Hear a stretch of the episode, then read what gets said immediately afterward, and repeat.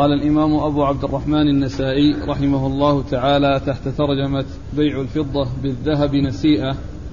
قال أخبرنا أحمد بن عبد الله بن الحكم عن محمد قال حدثنا شعبة عن حبيب قال سمعت أبا المنهال قال سألت البراء بن عازب رضي الله عنهما عن الصرف فقال سل زيد بن أرقم رضي الله عنه فإنه خير مني وأعلم. فسألت زيدا فقال سل البراء فإنه خير مني وأعلم. فقال جميعا نهى رسول الله صلى الله عليه وآله وسلم عن الورق بالذهب دينا. بسم الله الرحمن الرحيم. الحمد لله رب العالمين وصلى الله وسلم وبارك على عبده ورسوله نبينا محمد وعلى آله وأصحابه أجمعين. أما بعد قد سبق أن مر في الدرس الماضي الترجمة التي فيها بيع الذهب بالفضة والفضة بالذهب نسيئة أي غائبا وليس بناجز. قد عرفنا فيما مضى أن الجنس بجنسه كالذهب بالذهب والفضة بالفضة والبر بالبر والشعير بالشعير يجب فيه أمران التماثل والتقابض فلا يجوز فيه فلا يجوز فيه التفاضل يجب التساوي فلا يجوز التفاضل ويجب التقابض فلا يجوز النساء. وإذا اختلف الجنس بأن كان ذهب بفضة أو فضة بذهب وشعير ببر أو بر بشعير وما إلى ذلك فإنه يجوز التفاضل لكنه لا يجوز النساء.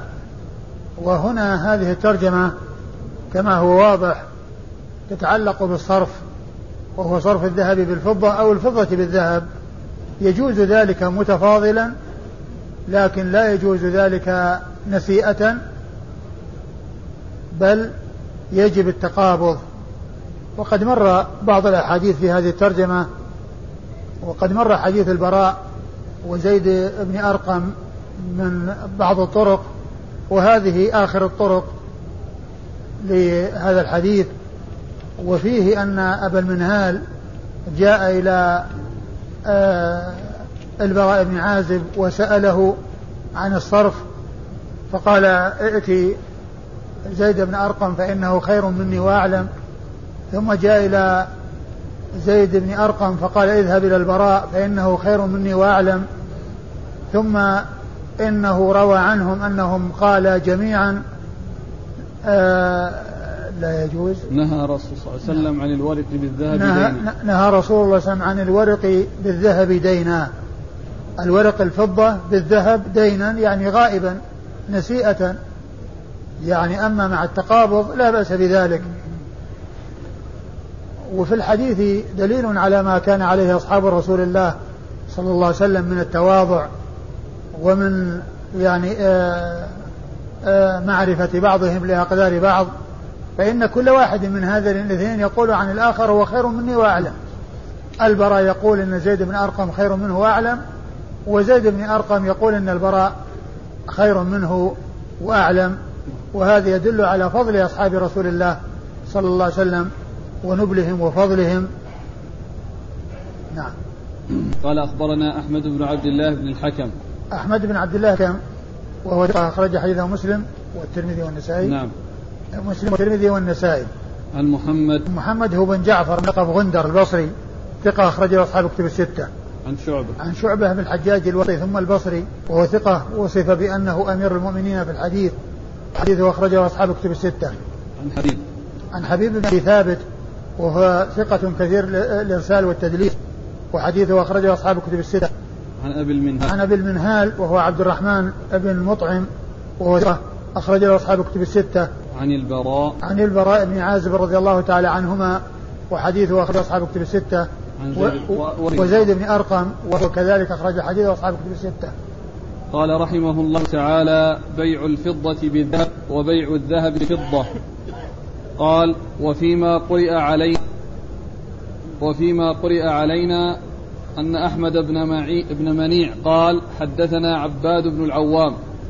قال حدثنا يحيى بن أبي إسحاق. قال حدثنا عبد الله عبد الرحمن بن أبي بكرة عن أبيه رضي الله عنه أنه قال نهى رسول الله صلى الله عليه وآله وسلم عن بيع الفضة بالفضة والذهب بالذهب إلا سواء بسواء. وأمرنا أن نبتاع الذهب بالفضة كيف شئنا والفضة بالذهب كيف شئنا. ثم ورد النسائي هذه الترجمة بيع الذهب بالذهب والفضة بالفضة. بيع الفضة بالذهب وبيع الذهب بالفضة. بيع الفضة بالذهب وبيع الذهب بالفضة.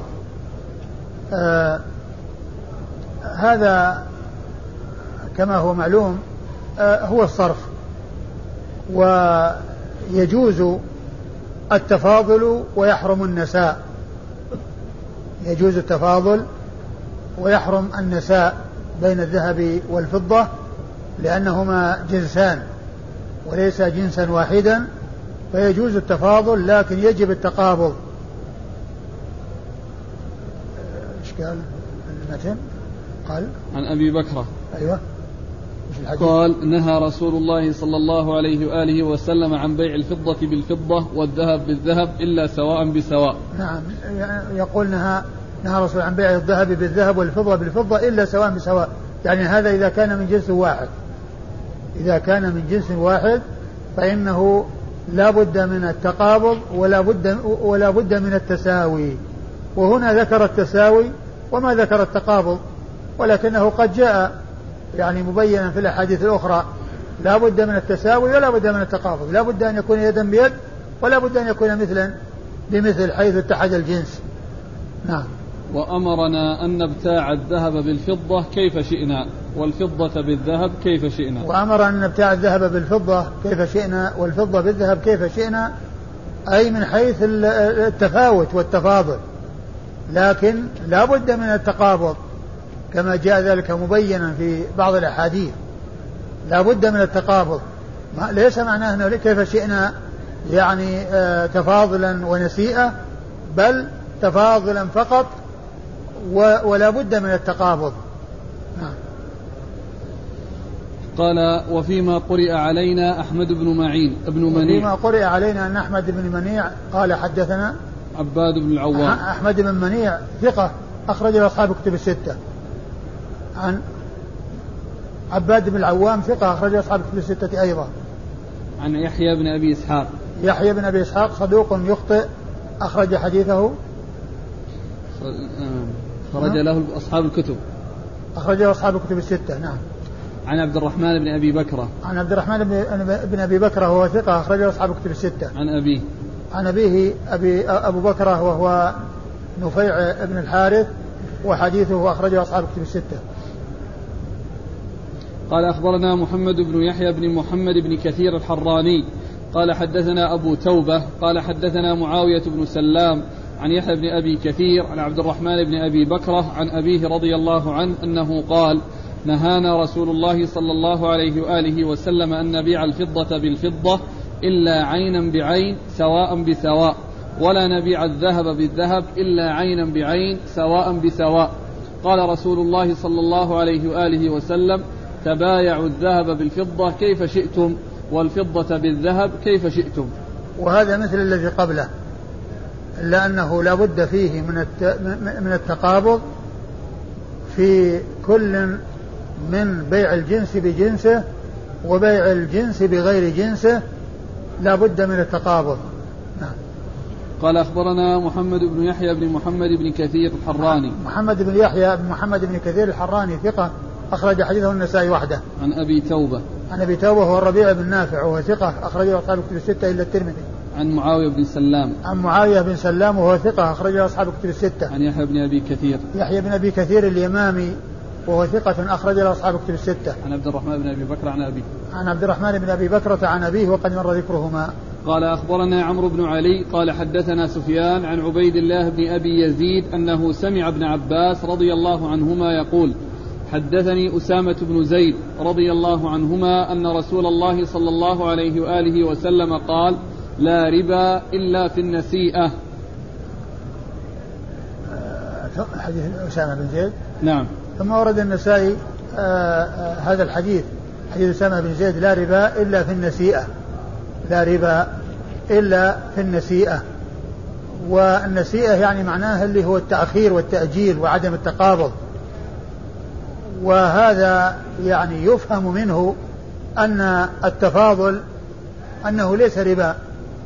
لكن جاءت النصوص الواضحة الجلية الثابتة عن رسول الله صلى الله عليه وسلم بأن الربا يكون بربا فضل كما يكون ربا نسيئة وأن الربا يكون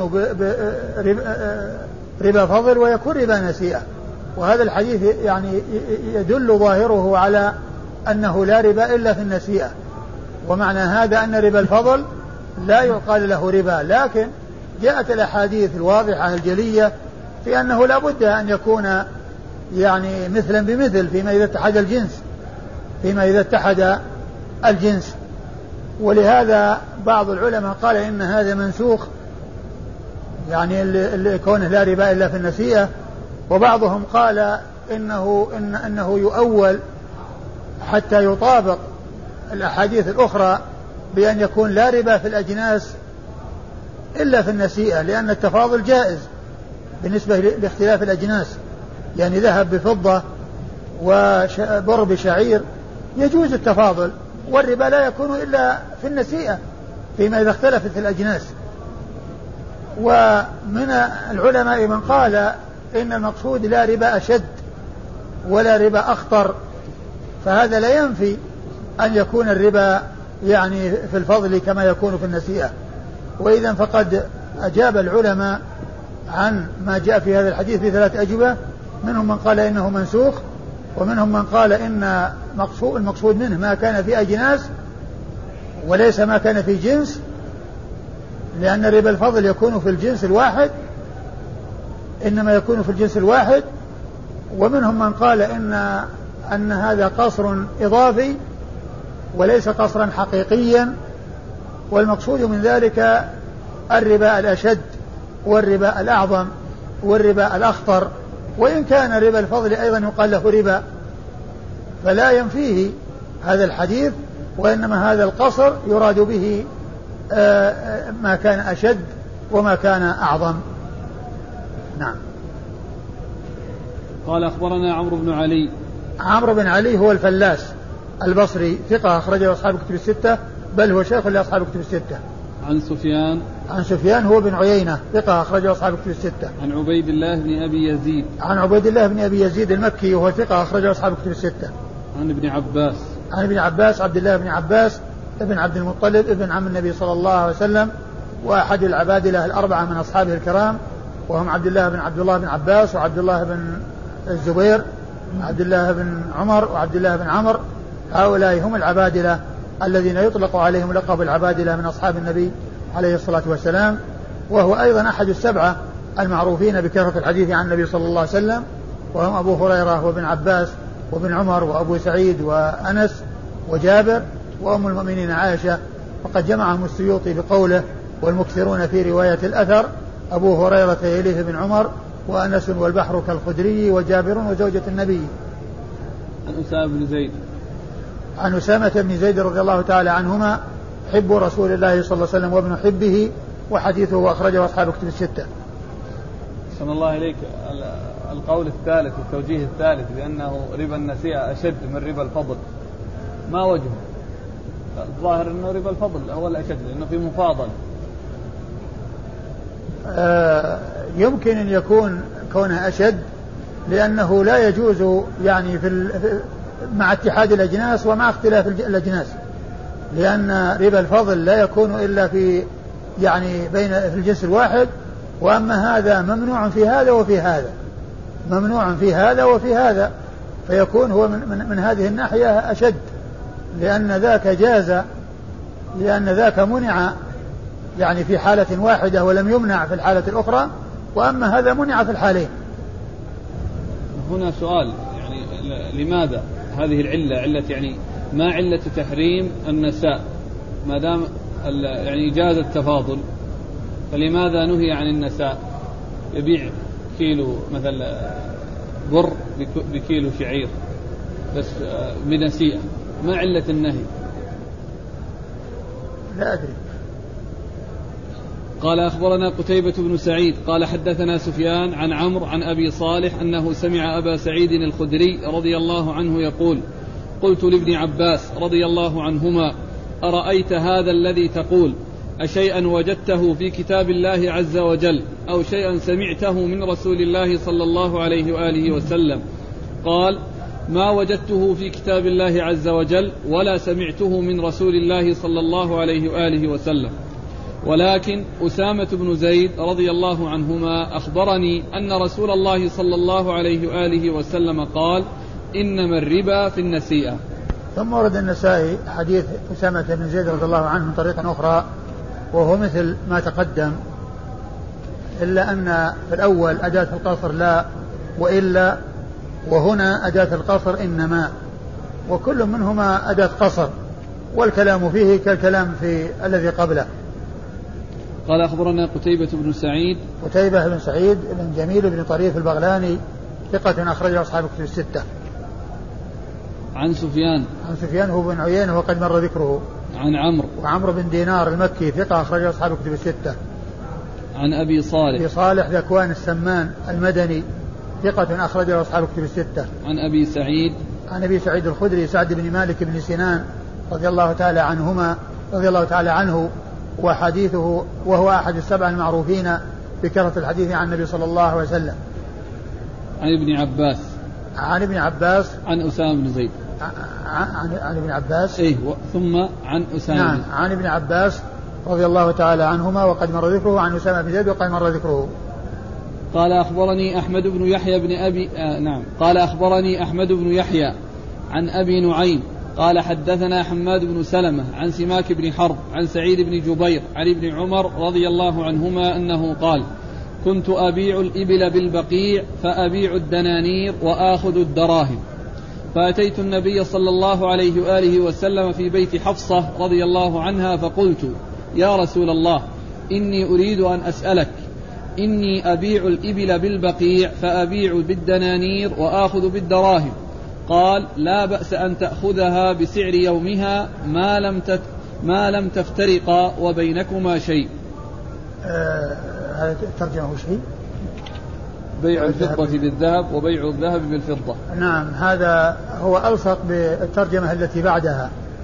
ألصق بالترجمة التي بعدها لأن هذا استيفاء يعني استيفاء وليس بيعا وإنما هو استيفاء يعني كونه يعني يبيع بالدنانير ثم يستوفي بالفضة أو يبيع بالفضة ويستوفي بالدنانير.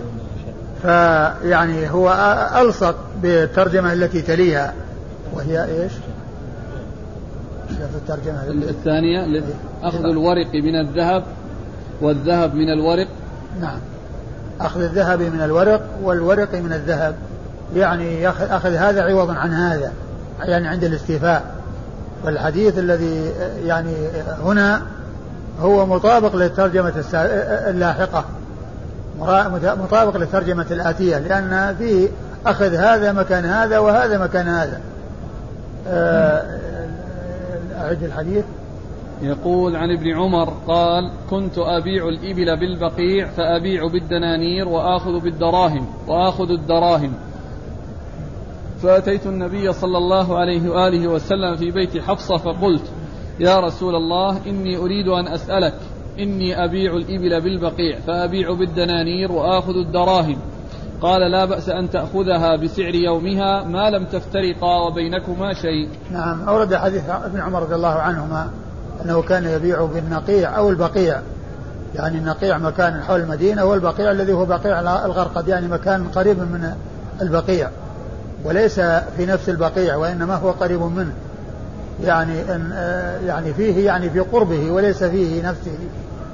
و وجاء وسأل النبي عليه وكان يبيع الإبل بالدراهم ويأخذ الدنانير بدل الدراهم أو الدراهم ويأخذ أو يأخذ أو يبيع بالدنانير ويأخذ بدلها الدراهم عند الاستيفاء. فسأل النبي صلى الله عليه وسلم وهو في بيت حفصة يعني في بيت أخته أم المؤمنين رضي الله عنها فقال لا بأس آه، أن يكون بسعر يومها وأن, وأن تفترق وليس بينكما شيء. يعني معناها أن حصل التو... الاستيفاء وأن يكون ذلك بسعر آه، الوقت وبسعر اليوم الذي يتم به الاستيفاء. نعم. قال أخبرني أحمد بن يحيى. أحمد بن يحيى بن دينار بن زكريا الصوفي وهو ثقة أخرج له النسائي وهو ثقة أخرج حديثه النسائي وحده عن أبي نعيم عن أبي نعيم الفضل بن دكين الكوفي وهو ثقة أخرجه أصحاب الكتب الستة عن حماد بن سلمة عن حماد بن سلمة البصري وهو ثقة أخرج حديثه البخاري تعليقا ومسلم وأصحاب السنة الأربعة. عن سماك بن حرب. عن سماك بن حرب وهو صدوق أخرج حديثه البخاري تعليقا ومسلم وأصحاب السنة الأربعة. عن سعيد بن جبير. عن سعيد بن جبير رضي الله تعالى عن, عن سعيد بن جبير وهو ثقة أخرجه أصحاب الكتب الستة. عن ابن عمر. عن ابن عمر عبد الله بن عمر بن الخطاب رضي الله تعالى عنهما وهو أحد العبادلة الأربعة وأحد السبعة المعروفين بكثرة الحديث عن النبي صلى الله عليه وسلم. أحسن الله إليك. لو سمحت تعيد. يعني معنى كلامه فأبيع بالدنانير وآخذ الدراهم. أبيع بالدنانير يعني يبيع الإبل بالدنانير. ثم عندما يستوفي يأخذ دراهم بدل الدنانير. يعني يستوفي دراهم بدل الدنانير. لأن المبيع هو دراهم القيمة أو الثمن دنانير على حسب الاتفاق بينهما. فعند الاستيفاء يأخذ بدل الدنانير دراهم أو العكس يبيع دراهم بالدراهم ثم يستوفي دنانير يعني ب ب ب بالعملة الثانية. يعني هذا هو المقصود. يعني يتفق معه يقول له مثل هذا هذه الناقة بعشر دنانير وما يعطي وقتها أي نعم. وعند الاستيفاء؟ يعني بعد فترة. يجي إيه وعند, وعند الاستيفاء يأخذ دراهم بدل الدنانير. طيب بعدين يقول له لا بأس أن تأخذها بسعر يومها. إيه يعني بسعر يومها يعني يوم التقابض. يعني, يعني يوم يوم الاستيفاء. يوم الاستيفاء. يعني سعرها في يوم الاستيفاء. سعر سعر آه سعر الدنانير من الدراهم. يعني قيمة الدنانير من الدراهم. لأن كما هو معلوم ال ال يعني ال الأسعار تزيد وتنقص. نعم. يقول ما لم تفترق وبينكما شيء يعني في ذاك الوقت وقت الاستلام أي نعم. يعني معناه أنه يستوفي ما دام انه يعني آه، آه، اتفق معه على أن يوفيه دراهم بدل الدنانير يعني معناه يأخذ نصيبه وليس بي وليس بينهما شيء. لا لا لا لا. لا لا لا. لا هو نفس استلام الإبل. الإبل يعني سلم له الإبل أو سلم الناقة وفي ذمته دراهم ثم بعد ذلك يأخذ دنانير بدل الدراهم عند الاستيفاء أو العكس.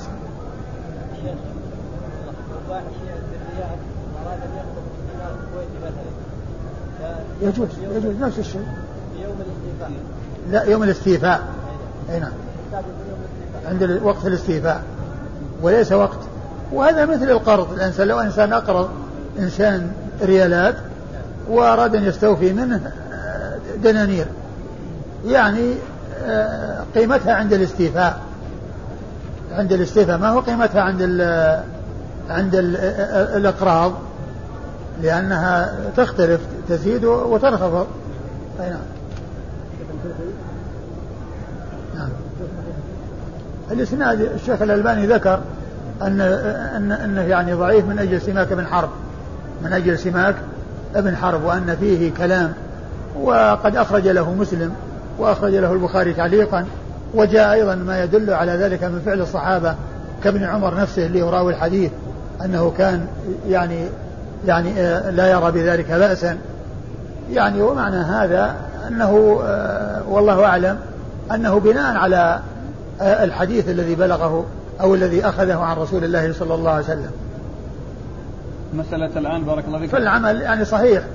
يجوز أن يأخذ الدراهم بالدنانير أو يستوفي بدل الدراهم دنانير وبدل الدنانير دراهم. وجاء عن بعض الصحابة كابن عباس بن عمر وجاء عن بعض آه، التابعين كسعيد بن جبير. ها؟ كيف يختلف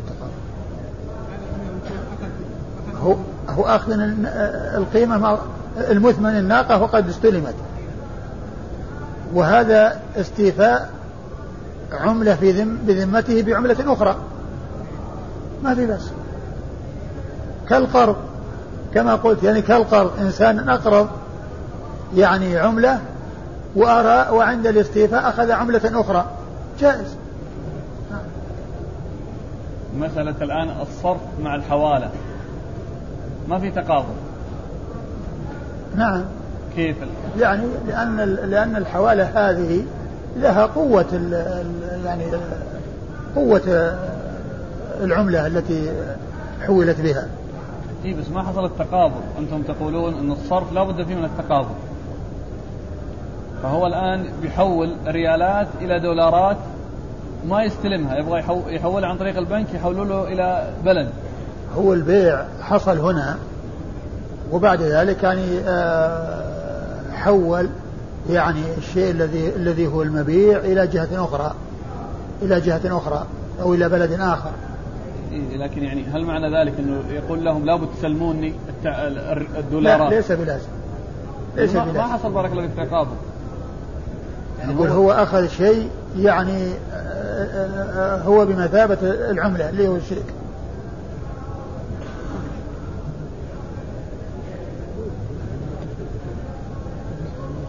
قال رحمه الله تعالى أخذ الورق من الذهب والذهب من الورق وذكر اختلاف ألفاظ الناقلين لخبر ابن عمر فيه. يعني وهذا يوضح بأن أن الحديث السابق تابع لهذه الترجمة لأن الأول عن ابن عمر وهذا عن ابن عمر. وفيه ذكر اختلاف الناقلين يعني فيه.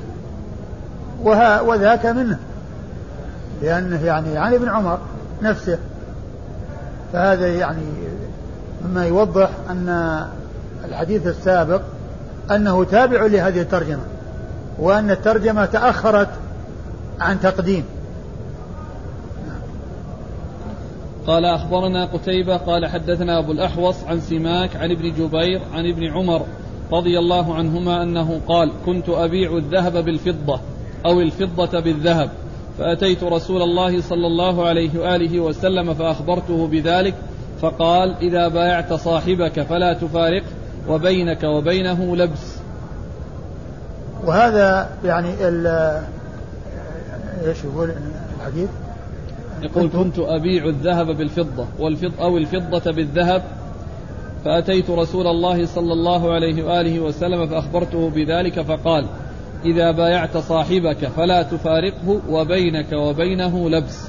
يعني آه هذا يعني كما هو معلوم يعني بيع الذهب بالفضة والفضة بالذهب يعني معناه أنه لا بد من التقابض لا بد من التقابض والتفاضل كما هو معلوم لا, لا, لا بأس به. فهذا ليس فيه قضية قضية الاستيفاء وإنما فيه قضية الصرف. قال أخبرنا قتيبة عن هذا هذا يعني آه، آه، ليس فيه استيفاء. نعم. قتيبة؟ إيه عن أبي الأحوص. قتيبة مر ذكره أبو الأحوص سلام بن سليم الحنفي ثقة أخرج أصحاب كتب الستة. عن سماك عن ابن جبير عن ابن عمر. وقد مر ذكرهم. أحسن الله إليك الترجمة معناها أخذ الورق من الذهب والذهب من الورق. يعني عوضا منه يعني. من بمعنى بدل أو يعني من يعني عوضا عنه. عوضا. قال أخبرنا محمد بن بشار قال حدثنا وكيع قال أنبأنا موسى بن نافع عن, عن سعيد بن جبير أنه كان يكره أن يأخذ الدنانير من الدراهم والدراهم من الدنانير. إيش؟ عن سعيد بن جبير. نعم.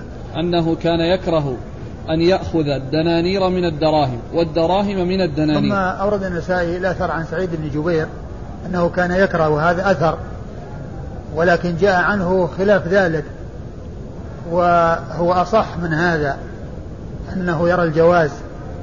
يعني آه، ياخذ الدراهم من الدنانير يعني استيفاء يعني بالاستيفاء يعني في ذمته دنانير فياخذ مكانها دراهم أو في ذمته دراهم فعند الاستيفاء ياخذ مكانها دنانير. نعم. ها؟ مطابق الترجمة نعم.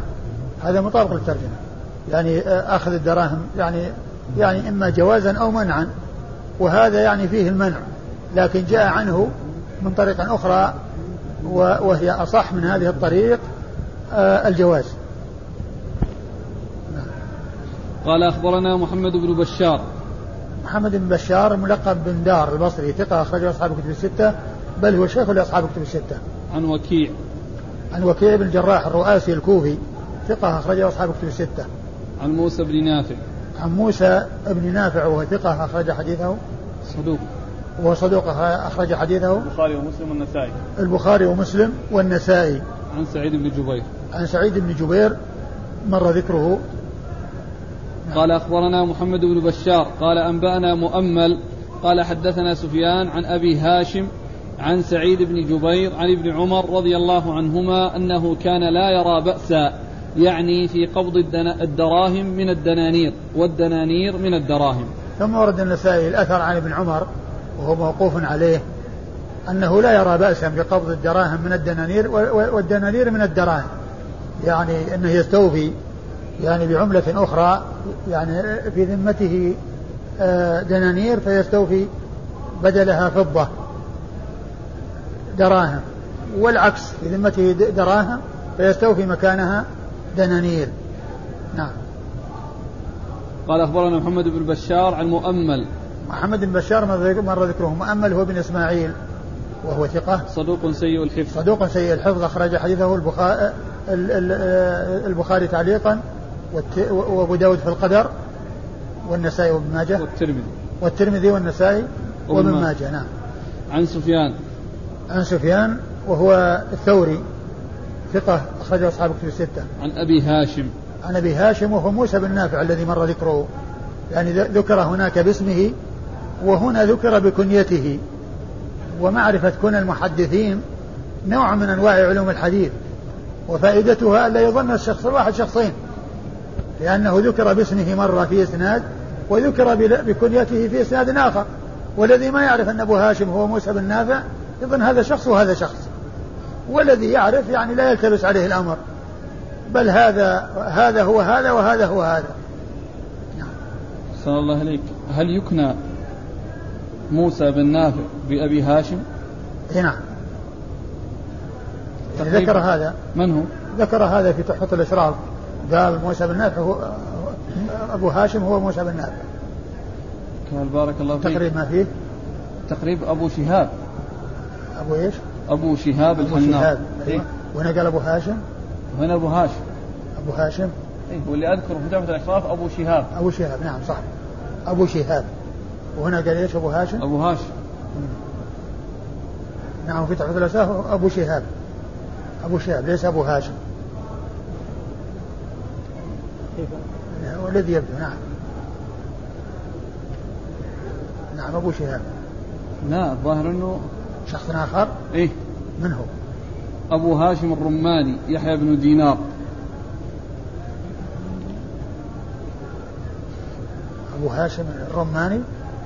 بن دينار هكذا ما أدري فأنص وجدت أظن أبو هاشم وبحثت عنه في الكنى فوجدت هذا. يحيى بن دينار. يحيى. هنا سيأتي أبو شهاب. أبو شهاب. إلا هناك سيأتي بارك الله فيك موسى بن شهاب. أيوه.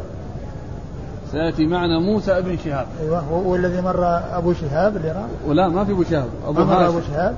ما في أبو شهاب. ما مر أبو شهاب؟ لا.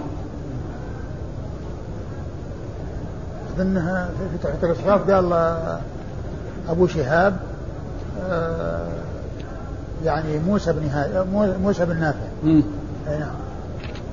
ما أدري ما يعني يحتاج إلى تحقق. أبو هاشم هذا. أيوه. عن سعيد بن جبير عن ابن عمر. بالمناسبة السقاية أو السقابة التي مرت في حديث سبق ما وجدت يعني لا في في التق... في, في, في القاموس لا في سقاية ولا في سقابة. يعني آه معنى يعني يدل على على المعنى الموجود هنا. ما أدري هل يعني آه أنها موجودة في ما هو أوسع من القاموس أو أن فيها تصحيف. الكلمة. لا أدري. رجعت القاموس ما وجدت لا في سقاية ولا في سقابة. يعني شيء يدل على يعني آه، قلادة أو يعني قطعة من الذهب أو كذا.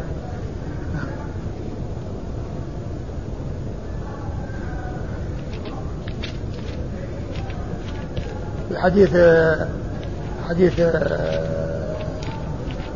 أبو الدرداء أو أظن أبو الدرداء اللي مع معاوية. نعم.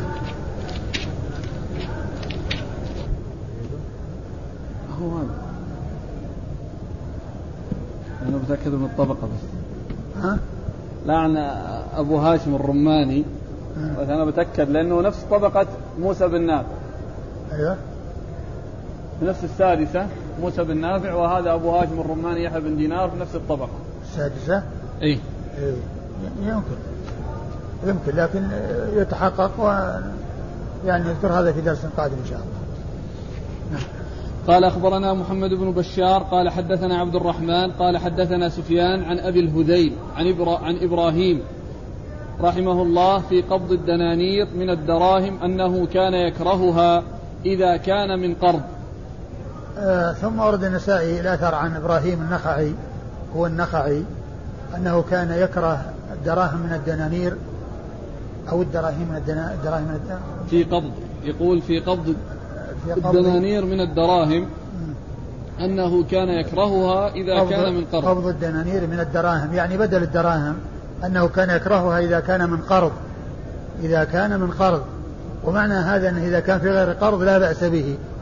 ويمكن أن يكون آه القرض المقصود أنه يجر نفعا أو أنه يعني قد يظن فيه جر نفع.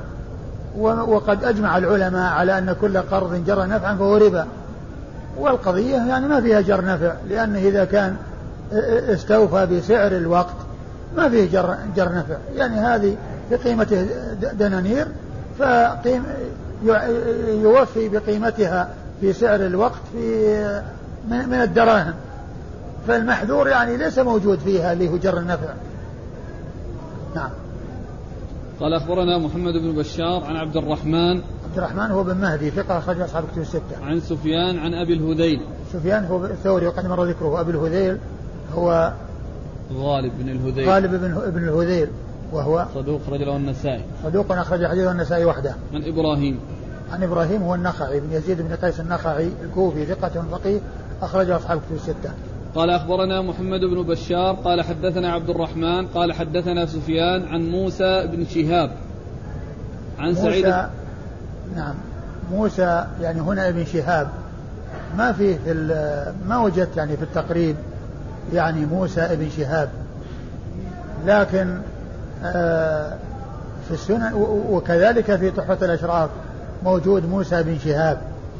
وفي آه كذلك السنن الكبرى موسى بن شهاب لكن في التعليق أن في نسخة موسى أبي شهاب موسى أبي شهاب وعلى هذا يكون هو موسى بن نافع الذي كنيته أبو شهاب يعني ذكر باسمه وكنيته.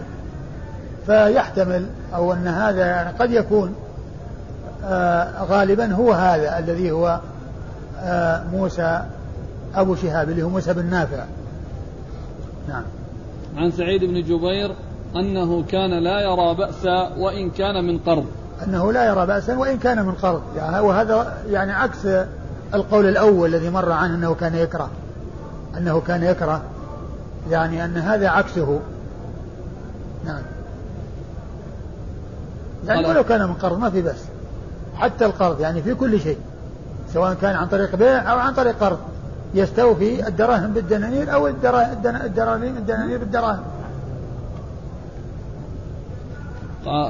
قال أخبرنا محمد بن بشار عن عبد الرحمن عن سفيان عن موسى عن سعيد. موسى أبي شهاب يعني الغالب أنه موسى أبي شهاب كما في النسخة أو إحدى النسخ التي نسخة السنة الكبرى.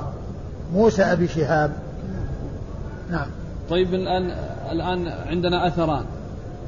واحد يكره واحد لا يرى بأسا نعم. كلاهما صحيح. كلاهما صحيح. وإيش الإسناد الأول؟ محمد بن بشار عن وكيع عن موسى بن نافع عن سعيد بن جبير. الأول؟ إيه. أيوه. محمد بن بشار عن وكيع. والثاني؟ والثاني محمد بن بشار عن عبد الرحمن بن مهدي عن سفيان عن موسى عن سعيد. الأول آه، محمد بن بشار عن وكيع. عن وكيع. عن موسى بن نافع. عن موسى بن نافع. عن سعيد. أيوه. هذا أربعة. وهذا الثاني؟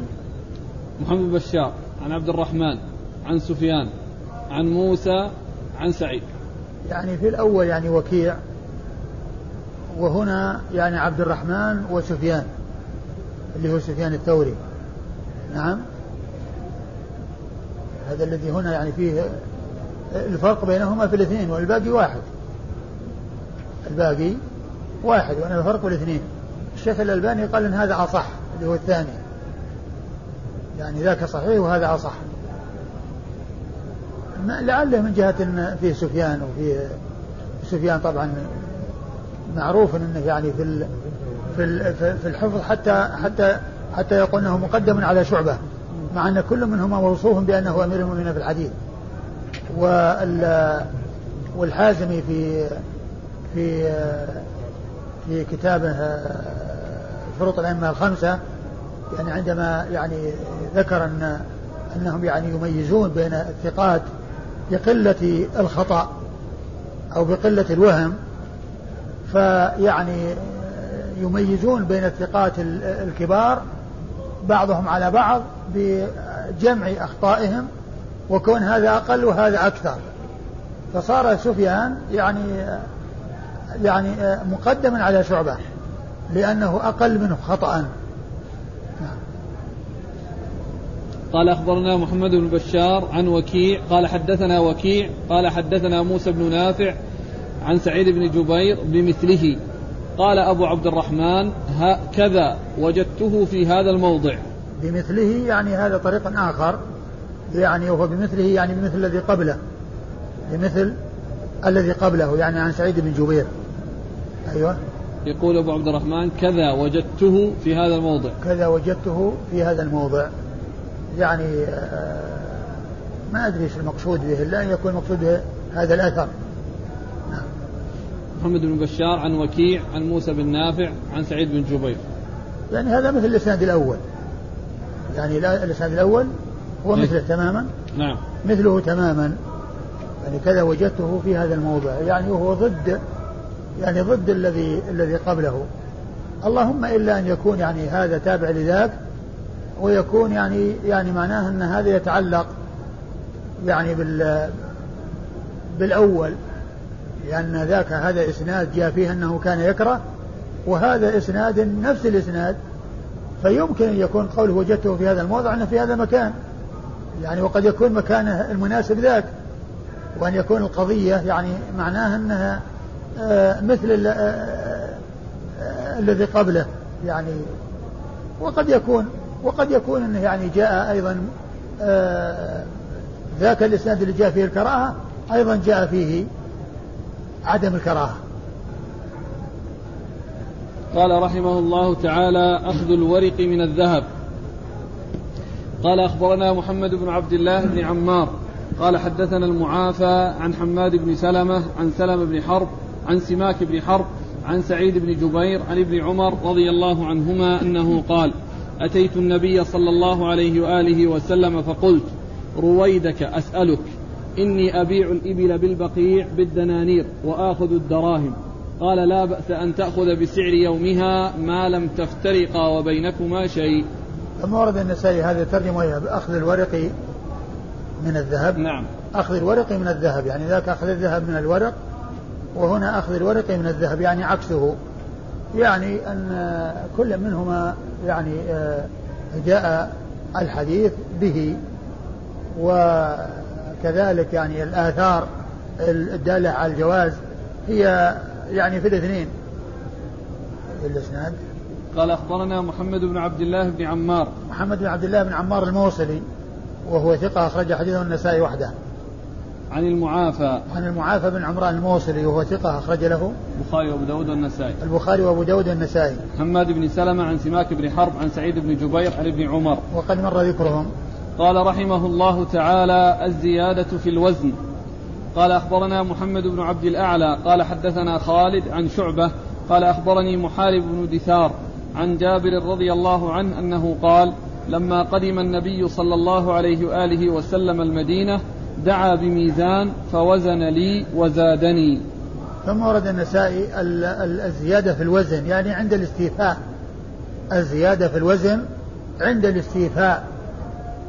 يعني أن الإنسان إذا كان مطالبا يعني بنقود فإنه يعني يجوز أن يوفي من عليه الدين وأن يزيد على الدين الذي عليه. سواء كان قرضا أو غير قرض. وهذا لا بأس به. وليس من القرض الذي جر نفعا لأنه ما حصل فيه تواطؤ عليه وما حصل اتفاق عليه. أما لو وجد اتفاق أو شرط أو ما إلى ذلك فلا يجوز لأن هذا قرض جر نفعا وكل قرض جر نفعا فهو ربا. ولكن عند التقاضي كونه يعني يعطي أكثر من حق مما في ذمته لا بأس بذلك. وأورد النسائي حديث جابر أن النبي صلى الله عليه وسلم يعني آآ آآ إيش قال؟ يقول لما قدم النبي صلى الله عليه وسلم المدينة دعا بميزان فوزن لي وزادني لما قدم المدينة دعا بميزان يعني يزن فيه النقود ويزن فيه الدراهم التي هي قيمة الجمل الذي اشتراه منه اشترى منه الجمل في الطريق ولما وصل ولما وصل وفاه ووزن له وزاده يعني على المقدار الذي كان متفقا عليه. فهذا يدل على أنه عند الوفاء يعني سواء كان آه، عن قرض أو عن آه، بيع. أنه إذا زاده على المقدار الذي له لا بأس بذلك. فقال إنه وزن لي وزاد لي وزاد وزاد وزادني. نعم. وزادني. وزن لي وزادني يعني على الحق الذي لي وعلى مقدار الدين الذي كان لي عليه صلى الله عليه وسلم. نعم. ها؟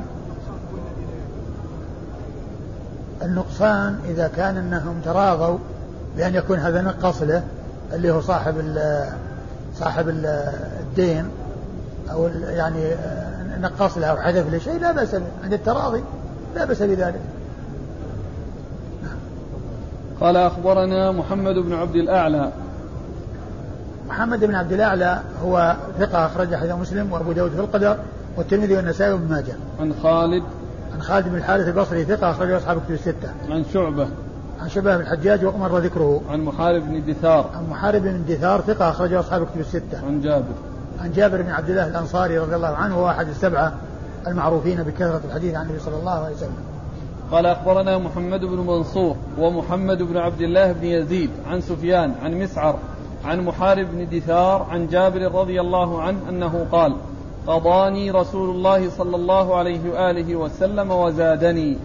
ثم ورد النسائي حديث جابر من طريق أخرى قضاني رسول الله صلى الله عليه وسلم وزادني يعني زاده على المقدار الذي في ذمته وهو مثل الذي قبله. قال أخبرنا محمد بن منصور. محمد بن منصور الجواز المكي ثقة أخرج حديثه النسائي وحده. ومحمد بن عبد الله بن يزيد. ومحمد بن يزيد عبد الله بن يزيد المقري المكي ثقة أخرج له النسائي النسائي وابن ماجه. عن سفيان عن مسعر. عن سفيان بن عيينة مر ذكره مسعر هو بن كدام الكوفي وهو ثقة اخرجه أصحاب الكتب الستة. عن محارب بن دثار عن جابر. محارب بن دثار عن جابر وقد مر ذكرهما. قال رحمه الله تعالى الرجحان في الوزن.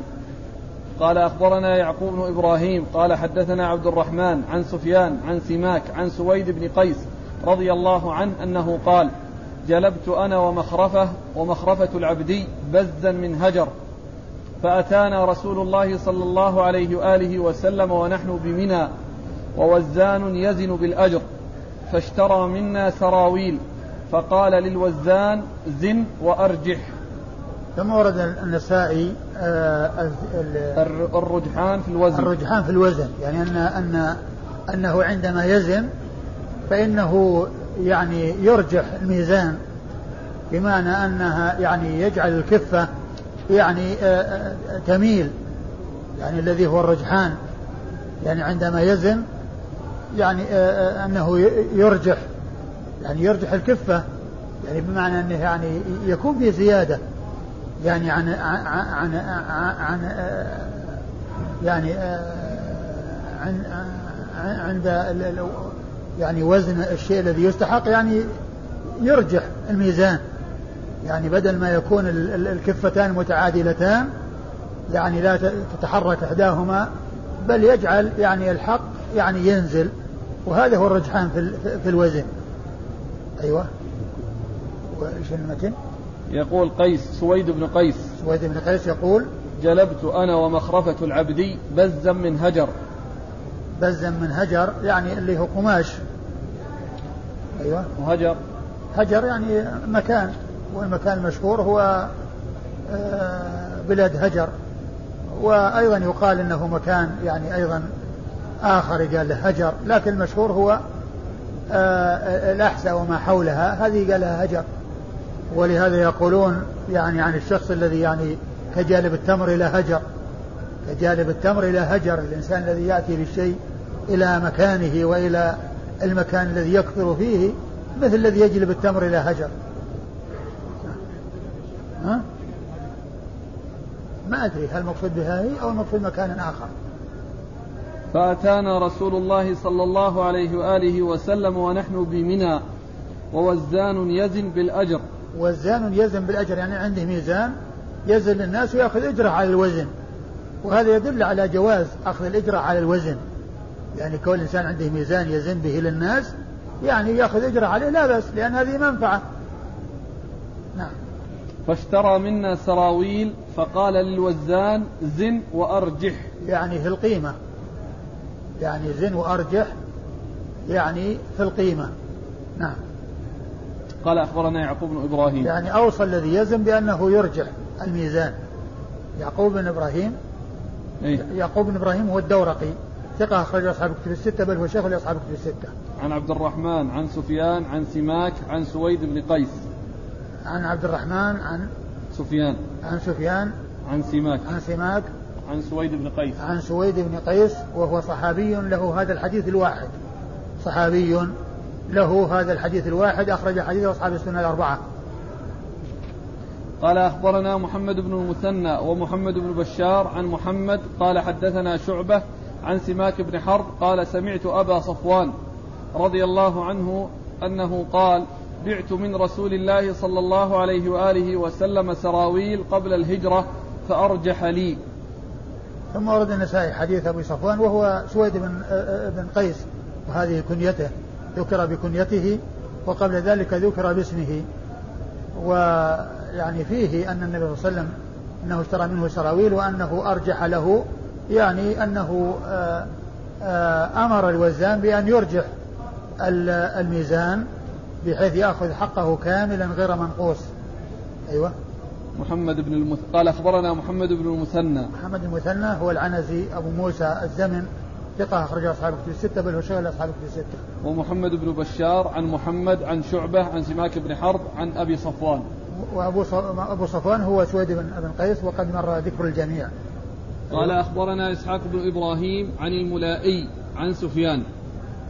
نعم. حاء قال وأنبأنا محمد بن إبراهيم. قال أنبأنا أبو نعيم عن سفيان عن حنظلة عن طاووس عن ابن عمر رضي الله عنهما أنه قال قال رسول الله صلى الله عليه وآله وسلم المكيال على مكيال أهل المدينة والوزن على وزن أهل مكة واللفظ لإسحاق.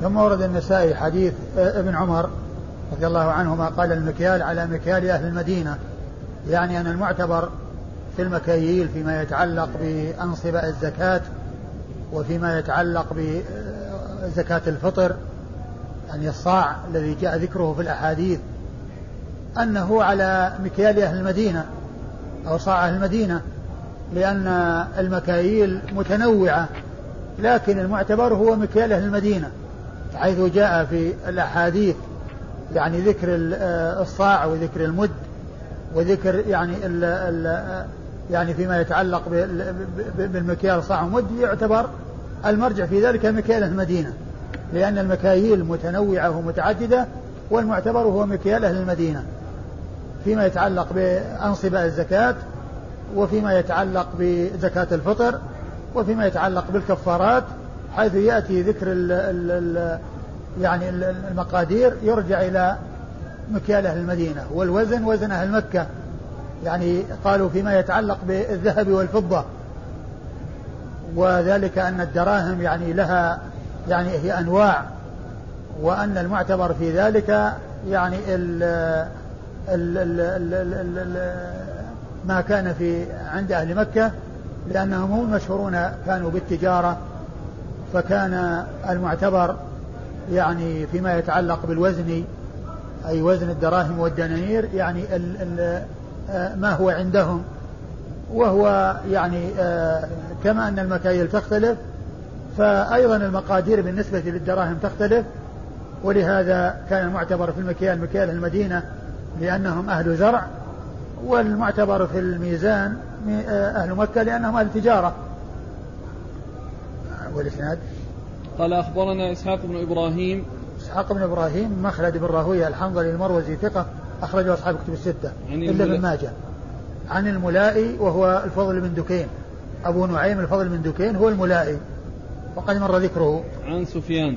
عن سفيان هو الثوري مر ذكره. قال حا وأنبانا محمد بن إبراهيم. محمد بن إبراهيم هنا محمد بن إسماعيل بن إبراهيم. منسوب إلى جده كما في تحفة الأشراف محمد بن إسماعيل بن إبراهيم بن عليا. وهو ثقة أخرج حديث النسائي وحده. عن أبي نعيم عن سفيان عن حنظلة.